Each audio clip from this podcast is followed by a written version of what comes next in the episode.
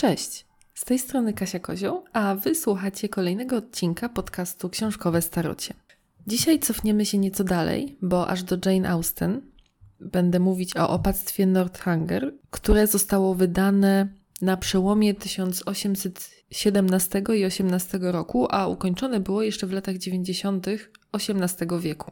To jest taka trochę powieść gotycka, trochę sentymentalna, ale tak naprawdę to najbardziej to jest parodia. Chociaż nie taka parodia, która jest tylko wyśmianiem źródła parodiowanego, ale bardziej to jest takie rozpoznanie tej konwencji i zastosowanie jej, ale takie troszkę bardziej świadome. Zastosowanie jej z zachowaniem dystansu i jednoczesnym jej przełamaniem. Jane Austen potrafi doskonale obśmiać powieść gotycką, zachowując jednocześnie wszystkie elementy konstrukcyjne. I ostatecznie nie dyskredytuje powieści gotyckiej tak naprawdę, wręcz przeciwnie. Pierwotnie tytułem było imię głównej bohaterki. Najpierw Susan, później Catherine, oczywiście, że w moim tłumaczeniu jest to Katarzyna. Dopiero siostra pisarki, Cassandra, zmieniła tytuł na Opactwo Northanger y, po tym, jak Jane Austen umarła i, i publikowali to po jej śmierci. To jest ostatnia opublikowana książka Jane Austen bodajże, natomiast sprzedała ją wydawnictwu jako jedną z pierwszych, z tym, że oni jej dali 10 funtów, a później stwierdzili, że nie będą tego jednak publikować. No I jakkolwiek 10 funtów to nie jest jakoś super dużo pieniędzy, powiedzmy, nawet wtedy. Natomiast autorka czekała naprawdę wiele lat, żeby te prawa od nich odkupić, bo nie była w stanie wyłożyć tych 10 funtów. Jeżeli chodzi o ten tytuł, no to opactwo Northanger, to ja nie wiem, czy ta siostra dobrze zrobiła, bo szczerze powiedziawszy, to samo opactwo pojawia się w książce jakoś w połowie, bardzo późno. Ja czekałam i czekałam i myślałam, co się dzieje, o co chodzi, czy ja czytam na pewno dobrą książkę. Także Cassandro, siostro Jane, trochę słabo z tym tytułem, chociaż na pewno pod względem marketingowym spoko, bo właściwie nie wiem, no ludzie mogli kupować parodie, myśląc, że to jest faktyczna powieść gotycka i, i, i ta sprzedaż mogła być większa. To takie XIX-wieczne trollololo, nie? Ale dobra, do rzeczy. Co więc charakteryzowało powieść gotycką? Bo żeby tak w miarę omówić parodię, no to trzeba wiedzieć, co jest parodiowane. W powieści gotyckiej przede wszystkim musiał być jakiś zamek, najlepiej zrujnowany, od biedy ujdzie klasztor, jakaś wieża, krypta, musi być coś mrocznego, coś, co ma grube mury, stare i, i w tych murach kryje się tajemnica. No właśnie, ogólna atmosfera tajemniczości musi też być. Pogoda musi być posłuszna. Mgły, deszcze w dzień, po nocach burze z błyskawicami.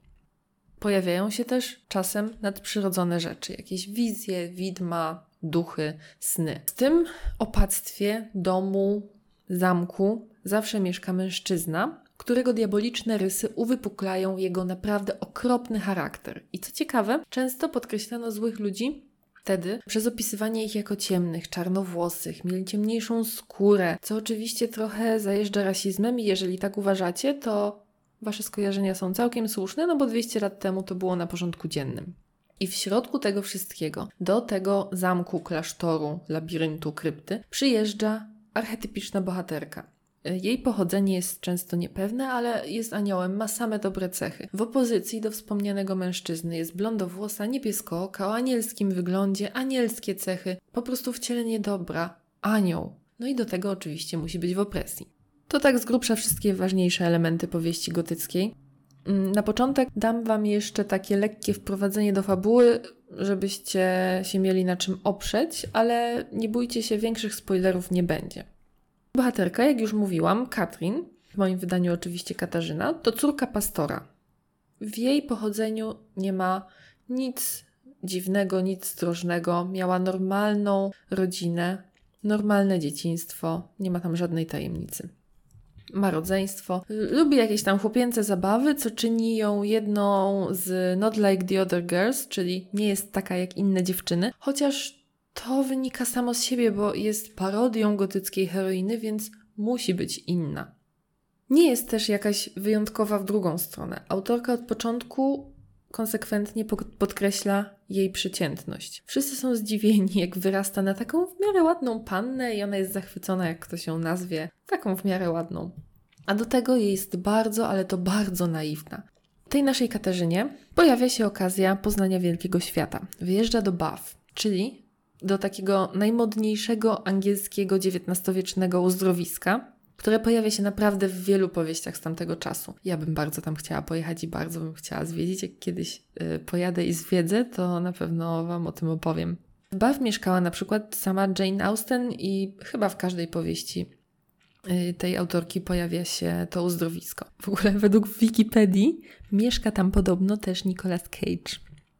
Wyjazdy do Bath polegały z grubsza na tym, że rano chodziło się na spacery do uzdrowiska, do pijalni wód, piło się te wody, spotykało się ze znajomymi, spacerowało się z nimi, no albo jeździło się na całodzienne wycieczki, a wieczorami odbywały się bale. I tam młodzi ludzie się poznawali, zakochiwali, zaręczali, zrywali itd. Tak no i nasza siedemnastoletnia nadmienie Katarzyna jest zachwycona. Poznaje nowych ludzi, zdobywa przyjaciół i czyta dużo opowieści gotyckich. I jest tak cudownie, jaskrawie naiwna, że naprawdę człowiek się skręca czytając to. Narracja jest poprowadzona w taki sposób, że my wiemy, że te postaci wokół niej, przynajmniej ich większość, że one kręcą, że lawirują, kłamią, tylko Katarzyna pozostaje błogosławienie nieświadoma tego wszystkiego.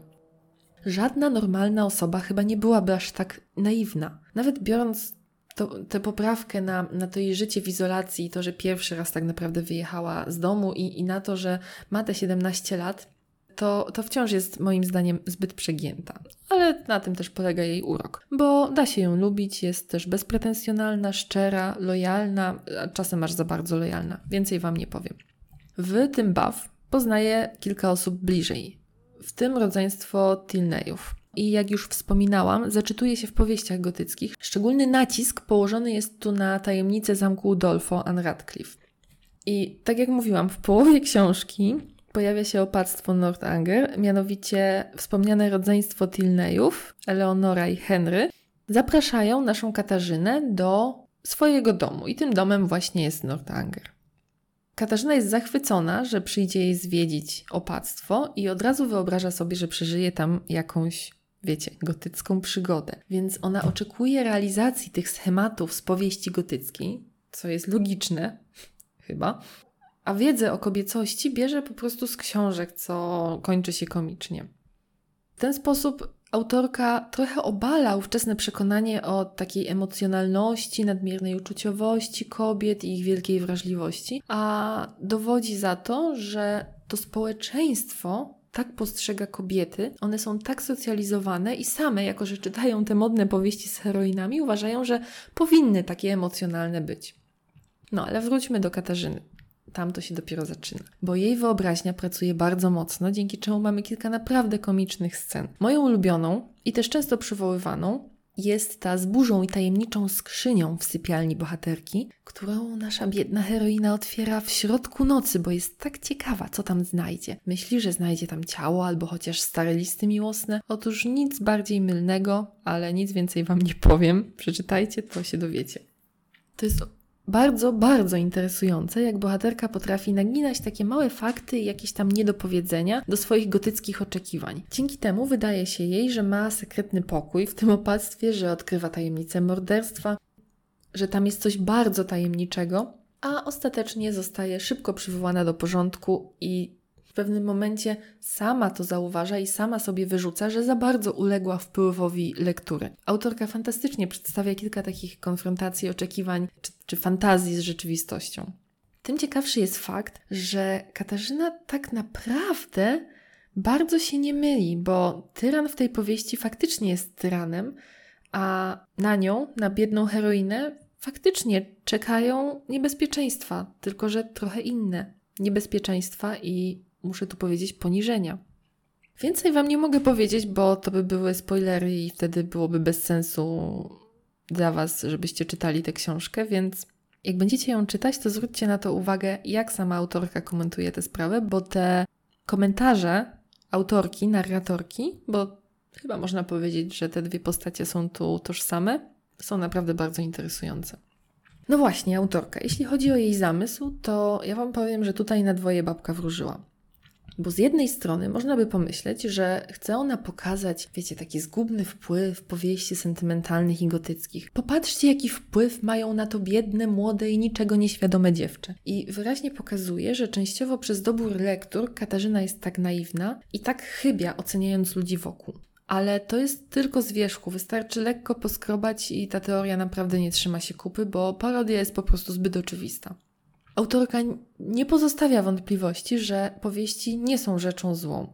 I na przykład wkłada to zdanie w usta ważnego bohatera, Henry'ego Tilneya, który ku zdumieniu Katarzyny, która to wcześniej słyszała, że szanujący się mężczyzna nie czyta powieści, obwieszcza, że uwielbia powieści, czytał Udolfo i czytał właściwie więcej powieści niż sama Katarzyna i wszystkie mu się bardzo podobały. Co ciekawe, też dlatego Henry jest w stanie odgadnąć fantazję Katarzyny, jak ona już jest u nich w gościnie i w odpowiednim momencie między innymi on nieco sprowadza ją na ziemię. Austen jako narratorka powieści ma też swoją wspaniałą tyradę, w której obwieszcza, że nie zamierza się przyczyniać do lekceważenia gatunku powieści. I tutaj zacytuję wam jej fragment, bo naprawdę jest dobitny.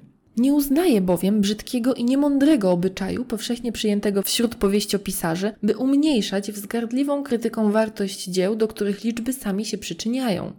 Nie uznaje łączenia się z największymi ich nieprzyjaciółmi po to, aby obrzucać te utwory najostrzejszymi epitetami i niemal nigdy nie pozwalać, by czytały je nasze bohaterki. Jeśli by zaś która wzięła przypadkiem powieść do ręki, to niechybnie po to, by przerzucić jej ckliwe stronice z niesmakiem.